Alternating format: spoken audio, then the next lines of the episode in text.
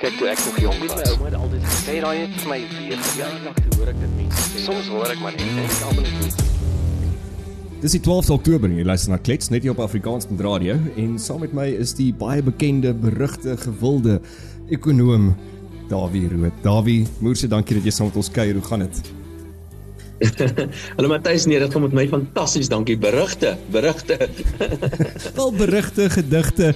Ehm um, as as daar enige iets is gewoonlik met geld dan wonder almal altyd wat gaan Dawie nou sê? Gaan dit goeie nuus wees of gaan hy vir ons sê ons moet begin huil?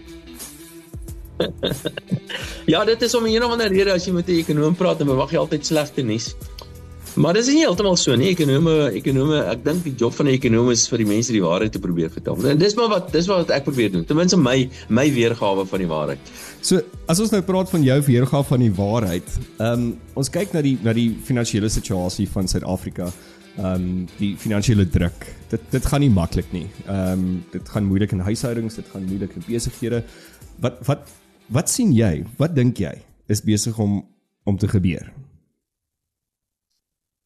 Jong, ehm um, mense kan nou 'n paar jaar teruggaan om te kyk wat is besig om te gebeur in Suid-Afrika en dis eintlik wat 'n mens waar mens moet begin. Mens moet begin waarskynlik so 25, 30 jaar terug in Suid-Afrika met die nuwe politieke bestel in Suid-Afrika. Hmm. Nou natuurlik as 'n nuwe uh, politieke bestel uh, beslag vind in 'n land, dan kan mens nou nogal verwag dat daar half onsekerheid is en dat 'n paar ouens 'n paar foute gaan maak en so aan. So dit is eintlik heeltemal te verwagte dat daar so dat die wiele so bietjie beginne 'n wankel aan die begin van die proses. Maar ek meen, maar die ANC regering is nou al so lank om bewind dat mense gedink het dat hulle dit in hierdie tyd nou al geleer het hmm. om hierdie tipe van goed te doen.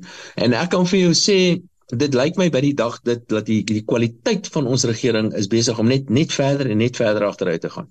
Uh en die skade wat aangerig word aan die ekonomie is onberekenbaar. Hmm. Uh soveel so dat selfs al kry ons 'n goeie regering in ehm um, uh môreoggend gaan dit die die nuwe en die goeie regering gaan dit letterlik jare vat om die ergste van hierdie skade reg te maak. Natuurlik, as mense die regte dinge dadelik in plek stel, dan gaan jy redelik gou gaan jy gaan jy positiewe tekens alreeds begin sien, maar die die omvang van die skade is werklik waar baie breed en dit is dit is 'n reusagtige omvang in die skade. En nou praat ek van goed soos oor die algemene infrastruktuur in die land. Ek praat van die plaaslike owerhede, die munisipaliteite, die staatsbeheerde instellings wat meestal bankrot is. Hulle is hulle is vernietig. Die en die minister van finansies se rekeninge het in sulke afmetings aangeneem dat dat dit dit laat ons op pad is na 'n ernstige finansiële krisis in Suid-Afrika. En dis die die ouens wat dit veroorsaak het, is die ouens wat in die regering is en hulle gaan waarskynlik nog steeds in die regering wees na volgende jaar en moenie vir my vertel hulle gaan ewe skielik dinge anders begin doen nie. En hoe dit vir jou en vir my voel, eh, vir die man op straat voel is dat jy sien dit by wyse van hoë vlakke van werkloosheid. Ek het nou eendag 'n verslag in gelees oor armoede, absolute armoede in Suid-Afrika. So iets so 6 miljoen kinders gaan in die aande yes. bed toe sonder dat hulle behoorlik geëet het. Yep.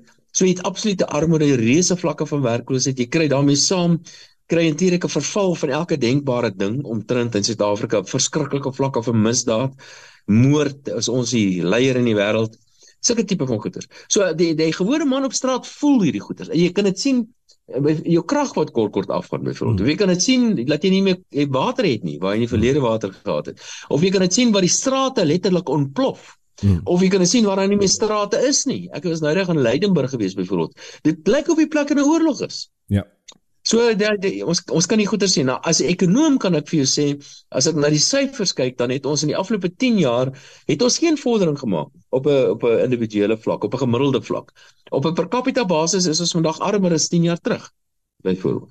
Ek het ook vergelykings getref tussen Suid-Afrika en die res van die wêreld in terme van goeder soos byvoorbeeld per capita BBP, goed soos byvoorbeeld kwaliteit van onderwys, lewensverwagting, kwaliteit van gesondheidsdienste, Ag al hierdie tipe van veranderlikes het ek Suid-Afrika vergelyk met die res van die wêreld en ek het ook Suid-Afrika spesifiek vergelyk met met met die ouens om ons, jy weet ander Afrika lande, Sub-Sahara Afrika. Nou Suid-Afrika is oor die algemeen nog oor beter af, beter daaraan toe as die meeste lande in Sub-Sahara Afrika. Nie almal nie, maar meestal.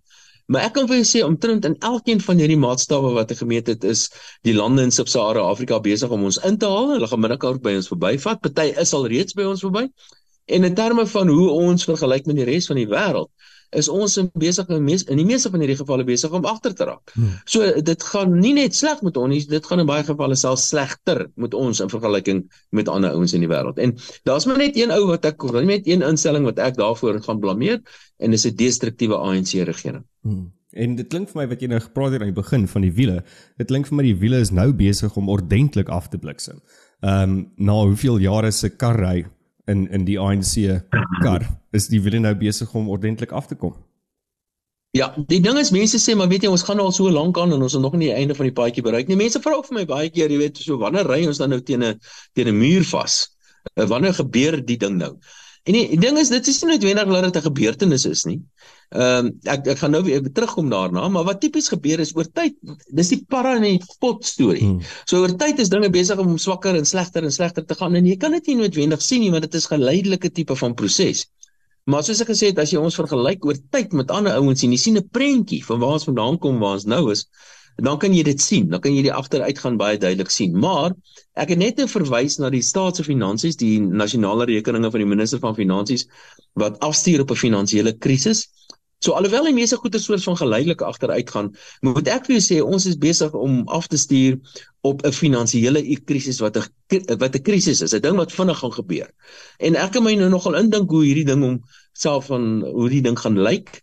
Dit kan dit die oorsprong kan internasionaal wees, die oorsprong kan plaaslik wees, maar ons het so min vet ingebou. Hmm in allerlei goederes in ons finansiële rekeninge en in 'n klomp goederes dat daar net eenvoudig nie meer 'n uh, uh, um, skokbreker is om een of ander krisis van 'n aard te absorbeer nie. En dit kan lei tot 'n ernstige ernstige finansiële krisis en ek is bevrees dis waarop ons afstuur. As ons nou luister na dit wat jy sê en ons natuurlik lees alles wat in die media aangaan. Ehm um, en ons dink na wat gebeur het met Griekeland. Dink jy dit is pretty much hoe ons baadjie lyk like, by die ingryping van die IMF? Wat?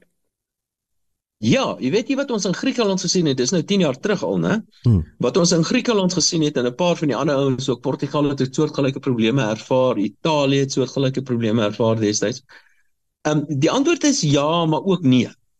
Onthou in die geval van Griekeland, laat hulle was deel gewees van die Europese Unie en hulle het 'n gemeenskaplike geldeenheid gehad, die euro, waaroor hulle nie beheer het nie. Wat 'n goeie ding is.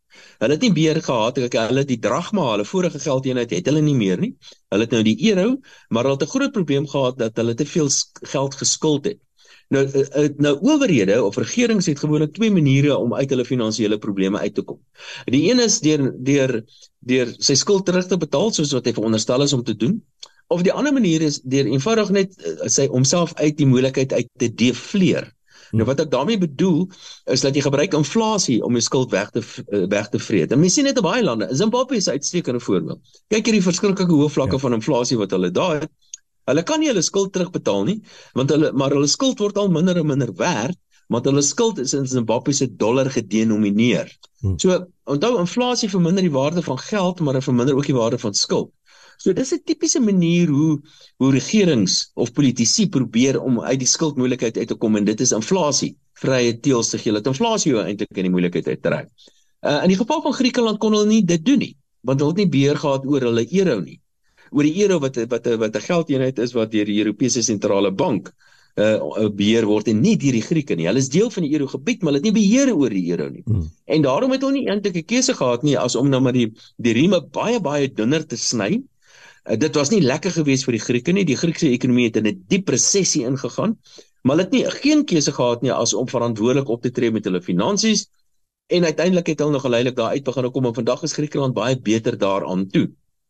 In die geval van Suid-Afrika gaan ons dieselfde paadjie volg ons ekonomie gaan ook wanneer hierdie krisis ons wel in die waarheid is ons is eintlik al reeds daar maar ons gaan ons ekonomie gaan ook onder druk kom. Die vraag is nou net gaan ons ekonomie onder druk kom meer soos 'n Zimbabwe tipe van situasie met super hoë inflasie of gaan ons ekonomie onder druk kom meer soos 'n Griekse tipe van situasie waar jy eintlik geforseer word om die nodige uh, strukturele aanpassings aan te, te te doen want jy het nie beheer oor jou geld en net nie. En ek het nog 'n idee dat ons en ons gaan nie so Zimbabwe wees nie maar laat ek dink in Zimbabwe is waarskynlik 'n beter voor, voorbeeld waarop Suid-Afrika afstuur as byvoorbeeld Griekeland. As jy sê dat die IMF kom klop aan die deur en sê hoorie ons is nou hier en ons wat oor dink jy dit sal 'n goeie ding wees?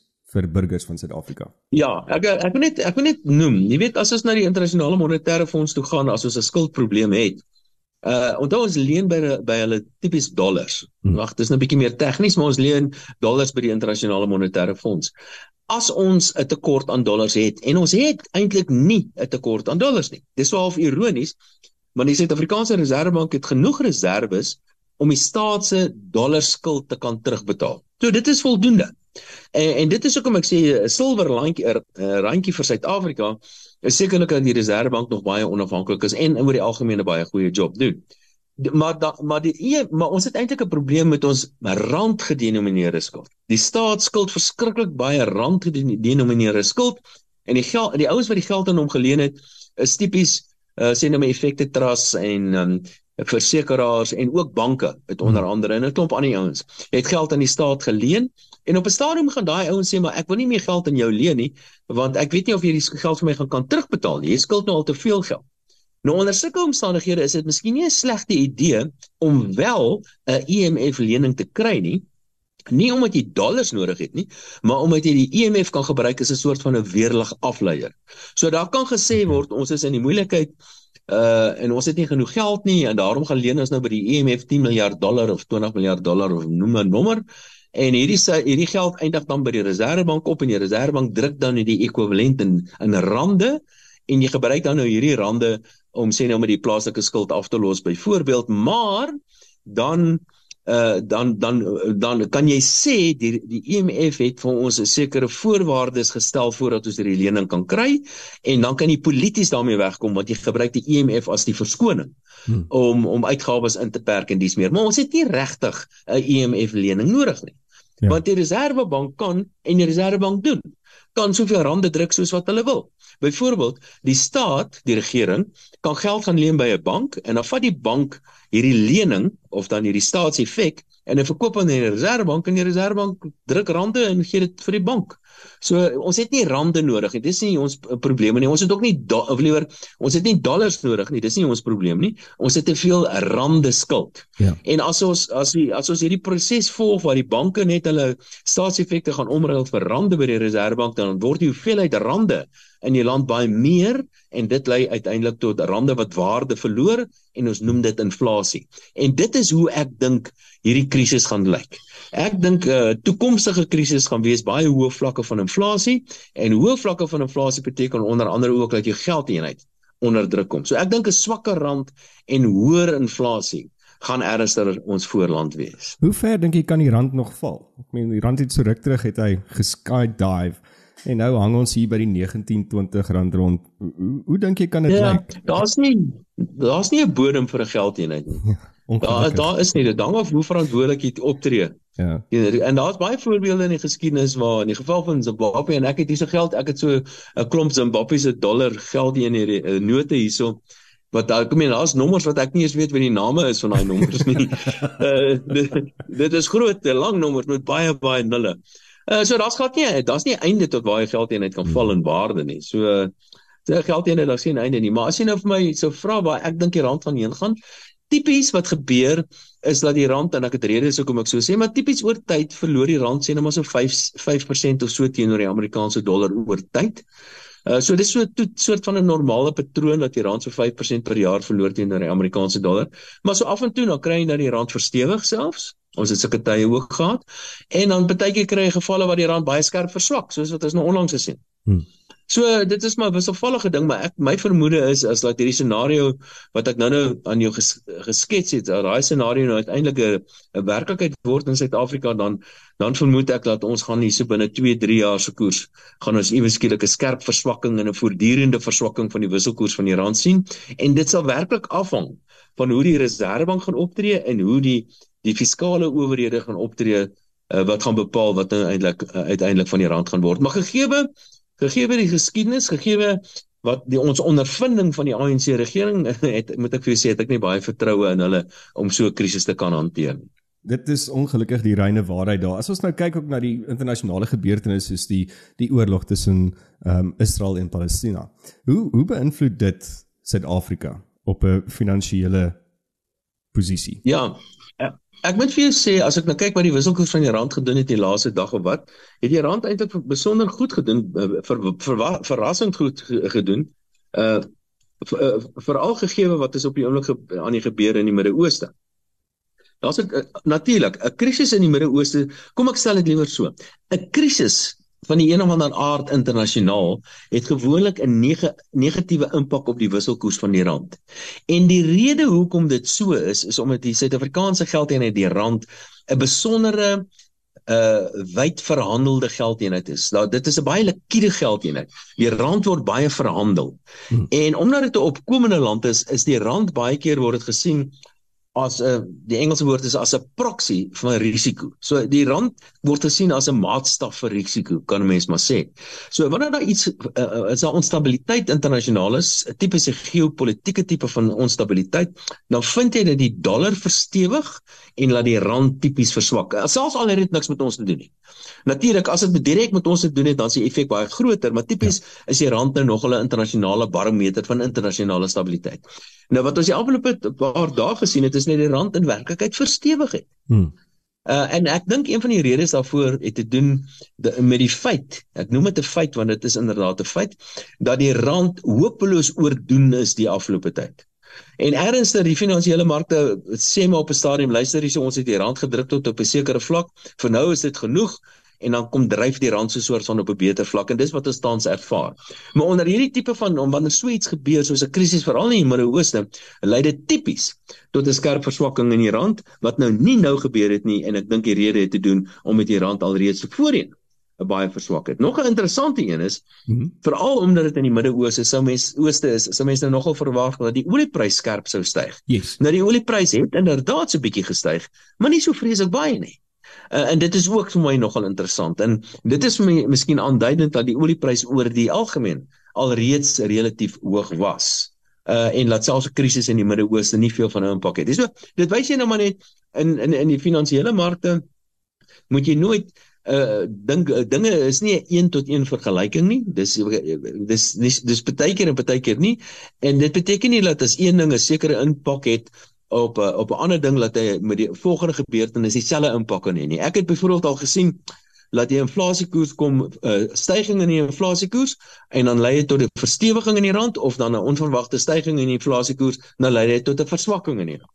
Uh so die die finansiële markte verdiskonteer goed is baie keer op 'n ander manier. Ja. En as jy mens bietjie aandag daaraan gee en bietjie daaroor dink, kom jy agter hoekom die finansiële markte goed is verdiskonteer. Want onthou die finansiële markte het ook maar 'n verwagting die finansiële marke prys sekere instrumente gebaseer op sekere klomp inligting en op sekere verwagtinge.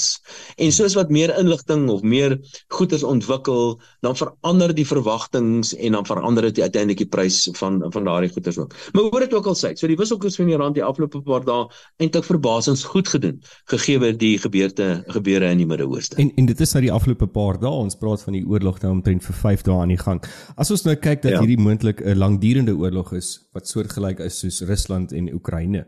Um ja. of dat die Rus wat die oorlog veel verder begin sprei as jy kyk na van die geskrywe in in die nuus en en opinies van mense sê hulle dat hierdie is omdat dit so half 'n geloofs gedrewe oorlog is of dit is hoe dit voel die energie agter dit is laat dit reg oor die wêreld kan begin uitspring in in ander silo's hoe hoe sal dit hmm. byvoorbeeld dit verander as ons nou kyk in 5 dae waar dit so half in 'n silo is maar daai silo begin al hoe groter word en dit sprong uit in ander plekke in die wêreld Ja, kyk, as dit nou as hierdie ding nou uiteindelik oorspoel en Iran raak nou betrokke byvoorbeeld en Sirië raak betrokke en wie weet ek en China reken hier's nou 'n goeie geleentheid om Taiwan Taiwan binne te val byvoorbeeld. Ek skets maar net 'n potensiële prentjie hierso. Dan kan dit lei tot 'n wêreldoorlog wie weet. En onder sulke omstandighede kan ek vir jou sê gaan die olie gaan die goudprys die hoogte inskiet. Die olieprys gaan waarskynlik ook die hoogte inskiet want dit gaan baie skaars begine word En goed soos die, die ek nou sou sê die dollar gaan verstewig want dit word gesien as 'n veilige hawe en goed soos byvoorbeeld die wisselkoers van die rand gaan skerp verswak. Hmm. So ehm um, ja, ek dink as hierdie nou verder uitbrei, dan kan dit dan gaan dit waarskynlik 'n baie negatiewe impak op die rand hê behalwe as beleggers om die een of ander vreemde rede sou reken dat Suid-Afrika 'n veilige hawe is. En op hierdie stadium moet ek jou sê, ek reken nie Suid-Afrika is 'n vreeslike veilige hawe nie. Ja, Ehm, jammer, maar miskien wat ook interessant is, jy het nou 'n interessante opmerking gemaak hierso oor as jy indien hierdie oorlog sou versprei. Ehm um, en natuurlik oorlog is baie nare goeters. Maar uh, as mens oor oor tyd kyk, dan dan is dit nou nogal so dat lande wat ekonomies sterk is, is ook lande wat wat militêr sterk is. Ja. So en ek meen Amerika is die is die eh, grootste ekonomie in die wêreld, maar Amerika is by verre die sterkste militêre mag in die wêreld. En, en dit was nie altyd so nie. 100 jaar terug was dit ander lande. Duitsland was seker die sterkste militêre mag in die wêreld gewees so 100 jaar terug of bietjie korter terug. Die Engelse was op 'n stadium by verre die grootste moondheid in die wêreld en hulle geldeenheid die pond was ook die wêreld se dominante geldeenheid. Ehm um, daarna het die Amerikaners dit oorgeneem en nou lyk dit vir my daar's 'n goeie kans dat die Chinese besig is om ook vir hulle 'n plek in die geskiedenis oop te krap as 'n wêreldmoondheid. En dit is niks vreemds nie, want die Chinese ekonomie het die afgelope tyd baie baie skerp gegroei, sterk gegroei. Die Sowjetunie destyds, sommige ekonome het op 'n stadium gereken hier in die 1950 60s dat Rusland 'n groter ekonomie as Amerika se ekonomie gaan hê binnekort. En dit het toe nog glad nie gebeur nie. Ja. En wat ons eintlik vandag sien, en dit alles gee aanleiding tot oorlog. Wat ons eintlik sien vandag is dat Rusland het sy empire verloor op 'n manier en die Russe en Putin hou nie daarvan nie. Hy het dit al gesê in soveel woorde. Ja. China het eweskielik 'n wêreldmoondheid geword en hy wil sy vere 'n bietjie regskud en hy wil sy plek in die wêreld inneem as 'n wêreldmoondheid, nie net ekonomies nie, maar militêr ook. Amerika is nog die wêreld se sterkste ekonomie, maar in relatiewe terme het hy sy posisie het sy posisie baie agteruit gegaan. Is nog steeds die grootste, maar die ander het ingehaal. En so is daar nou miskien opkomende groot magte. Die Indiërs dink ek is 'n ja. ekonomie wat baie goed gaan doen. So die wêreld verander voortdurend. En soos wat die wêreld voortdurend verander, so skuif daai die militêre mag rond agter die ekonomiese mag en so skuif die politieke mag ook rond agter die uh, uh, ekonomiese mag en natuurlik die, mo- die militêre. Ons praat nou oor China en Indië wat jy nou genoem het en dan moet mense seker natuurlik vra oor BRICS. Ehm um, want dit is natuurlik die afgelope ruk 'n redelike groot ehm um, ding gewees in Suid-Afrika.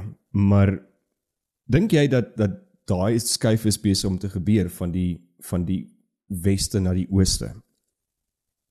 Daar is 'n klomp goeters aan die gebeur. En jy praat nou van die weste na die ooste toe en weer 'n keer as mense in die geskiedenis gaan, is dit nou interessant om te sien waar ons vandaan kom en dan sien mense elemente daarvan vandag.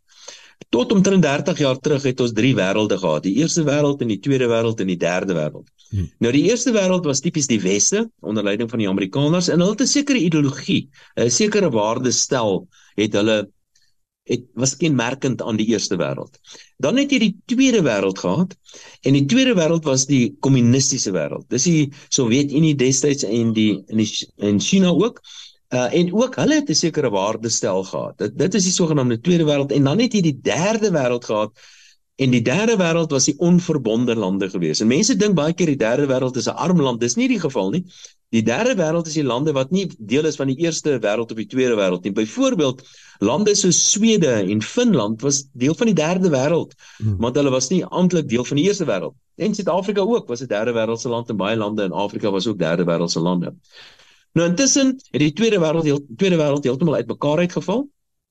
En op 'n manier kry mens 'n soortgelyke polarisasie vandag. Ons kry die eerste wêreld nog steeds onder leiding van Amerika. Dit het so 'n bietjie verander. Lande soos byvoorbeeld Finland en Swede en en miskien miskien selfs sê sekere lande soos Turkye is nou deel van die eerste wêreld. En die tweede wêreld is so 'n soort van soortgelyk as voorheen, die die Russe en die Chinese. Maar onthou die Russe en die Chinese verskil ideologies vandag. Die Chinese is nominaal 'n klomp kommuniste terwyl die Russe eintlik kan mens maar amper sê dis dis 'n ver regse regering. Het. Hulle is sekerlik nie meer kommunisties soos wat hulle was nie. So die waardestel verskil uh, in terme van die die koalisie tussen Rusland en China. Maar dan is daar ook 'n derde wêreld besig om 'n nuwe wer, derde wêreld besig om vorm aan te neem en dis BRICS. Hmm. En hierdie derde wêreld sluit sekere elemente in van die tweede wêreld ook. Soos byvoorbeeld Rusland en China wat nou ook deel vorm van die nuwe derde wêreld met 'n klompie ander groot lande soos Indië het ons nou al reeds genoem, Brasilië wat nou deel is daarvan en 'n klompie nuus wat nou onlangs by sit by BRICS lande aangesluit is. Uh dit kan uiteindelik werklikbaar 'n 'n 'n ander pool word in die wêreld ek dink dit kan baie meer belangrik word as die as die koalisie tussen die Chinese en die Russe. Ehm uh, maar maar ek is maar ek dink dit gaan nie maklik wees om dit te doen nie. En hier's van die redes hoekom ek so sê. Een rede is omdat die lede van BRICS sit nie almal om dieselfde vuur nie. Hmm. Die Chinese byvoorbeeld en die Indiërs sit nie om dieselfde vuur. Ja. Daar's groot vir hulle het groot hulle het hulle daar's groot daar's selfs oorloë so af en toe tussen hierdie twee lande. Yes. Verder is die Indiërs baie naby aan die Amerikaners. Hulle hou baie van die Amerikaners. Uh en ek het ook so 'n idee dat alhoewel daar nou hierdie vreeslike bondgenootskap is tussen die Chinese en die Russe, dink ek ook nie die ding is wat wat gaan vir ewig hou nie en ek het redes hoekom ek dit sê. 'n Tweede punt wat belangrik is, as jy vir die Chinese vra wat dink hulle van BRICS, dan gaan die Chinese vir jou sê hulle wil hulle geld eenheid hê as die BRICS geld eenheid en hulle en hulle in die Chinese dink ek sien BRICS as eintlik 'n verlenging van China self. En die ander lande gaan nie noodwendig daarmee uh, uh, akkoord gaan nie. Uh daar's baie lande wat sekerlik nie daarmee akkoord gaan gaan nie. Indië is een, Brasilië is 'n ander een, uh Egy Egipte miskien nie, Saudi-Arabië gaan nie daarmee akkoord Seker, akkoord gaan nie. So nie.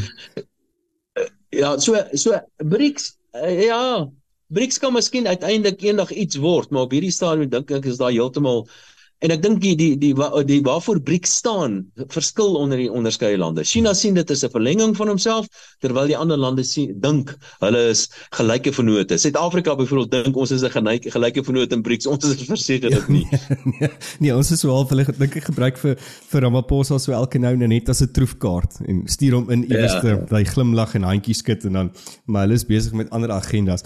Um Dawie, ek wil nie te veel van jou tyd vat nie want ek weet jy's 'n besige man. Dalk het teruggegaan op op Suid-Afrikaanse bodem. Die sensus is onlangs uit.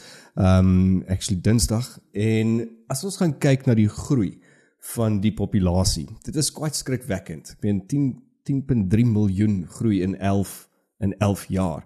Ek het 'n vinnige som gemaak om te gaan kyk dat 11 jaar is dan so 400 ag 4015 dae en dan werk dit uit omtrent so 2556 populasiegroei per dag in 11 jaar. As mens daarna kyk en kan ons seker verstaan hoekom lyk ons infrastrukture so. Ehm um, want dit het nie bygehou by hierdie populasiegroei nie. Hoe dink jy kan dit lyk as ons volhou met hierdie populasiegroei in die volgende 10 jaar? Wat wat is ons risiko's daar? Ja, ek weet ek weet klomp klomp mense spring op hierdie waantjie en praat van bevolkingsgroei en dit is dan die rede hoekom die infrastruktuur so in duie stort en so aan en so aan. Ek kan vir julle sê bevolkingsgroei is nie naas by Suid-Afrika se probleem nie. Nie naas by. Ek kan ook vir jou sê is dat bevolkingsgroei die tempo van bevolkingsgroei besig om af te neem en in sommige gevalle is dit negatief vir sekere bevolkingsgroepe. Is die bevolkingsgroei negatief, hulle word minder. Ja. Maar um, bevolkingsgroei is nie die probleem nie. Om die waarheid te sê, die teenoorgestelde en dit is krimpende bevolkings kan in baie gevalle 'n groter probleem wees as 'n groeiende bevolking. Ehm um, so bevolkingsgroei is nie 'n probleem. Die probleem wat ons het in Suid-Afrika is 'n tekort aan ekonomiese groei. 'n Tekort aan ekonomiese groei want ek uh, ekonomiese groei gaan gaan gepaard gaan hand aan hand met al die ander wonderlike goeders. Goeie skole, met goeie gesondheid, goeie kwalifikasies, goeie infrastruktuur en al jy moet natuurlik 'n goeie regering hê voordat dit gebeur. Maar nee, bevolkingsgroei op sigself is nie naaste by 'n probleem nie. Die probleem is eintlik ekonomiese groei. En ekonomiese groei is nou moeilik want daar's bitter min wat 'n mens seker in beheer kan wees van die regering is 'n groot gedeelte daarin beheer.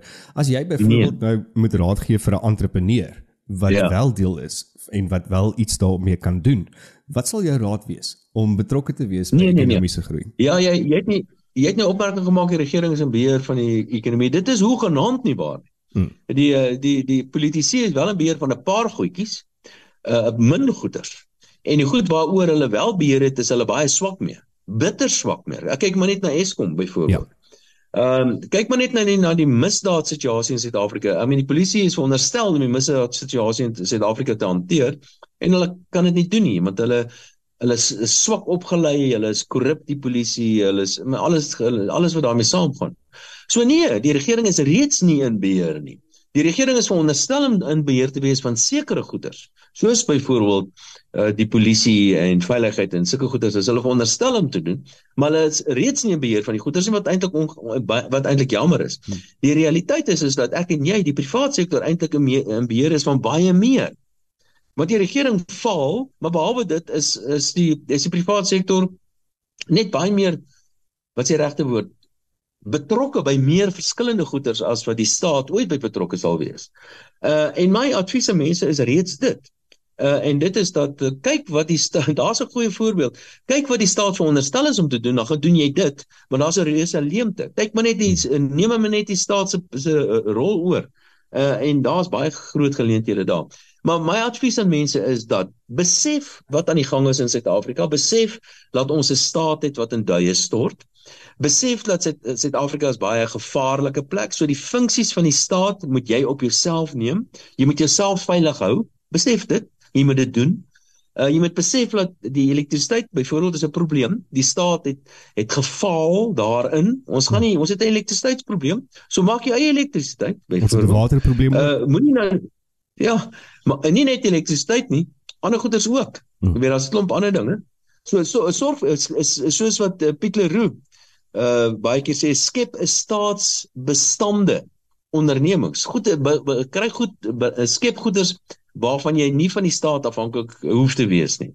En en as jy daai tipe van goed kan doen, moet ek vir sê is wonderlike groot geleenthede in Suid-Afrika. Uh, op verskeie vlakke. Ek meen dis wat ek doen. Ek vat mense se geld en ek bestuur hulle geld vir hulle en ek help hulle om strukture tot stand te bring. Ehm um, en daar is baie suksesvolle besigheidsmense in Suid-Afrika. Ehm um, en in baie gevalle is dit omdat die staat reeds in duie gestort het. Maar dit is eintlik jammer as ons 'n behoorlike funksionerende staat gehad het wat gedoen het wat hy veronderstel is om te doen, het ons selfs nog meer ja. suksesvolle besighede gekry. Ja. Maar moenie dink omdat ons 'n land het wat wat so agteruit gaan dat daar nie geleenthede is nie. In baie gevalle is daar selfs meer, meer geleenthede ja. in 'n land soos Suid-Afrika. Ek dink dit was Henry Ford wat gesê het in in die oomblik van chaos is daar altyd die meeste geleenthede en en dit is presies wat ons nou sien. Dawie, ongelooflik baie vir jou baie dankie vir jou tyd, jou kundigheid dat jy met ons gesels het hier op Klets by Afrikaans met Radio. Ehm um, en môre is ons terug met nog 'n klets saam met Leon Kliege, die tuinman.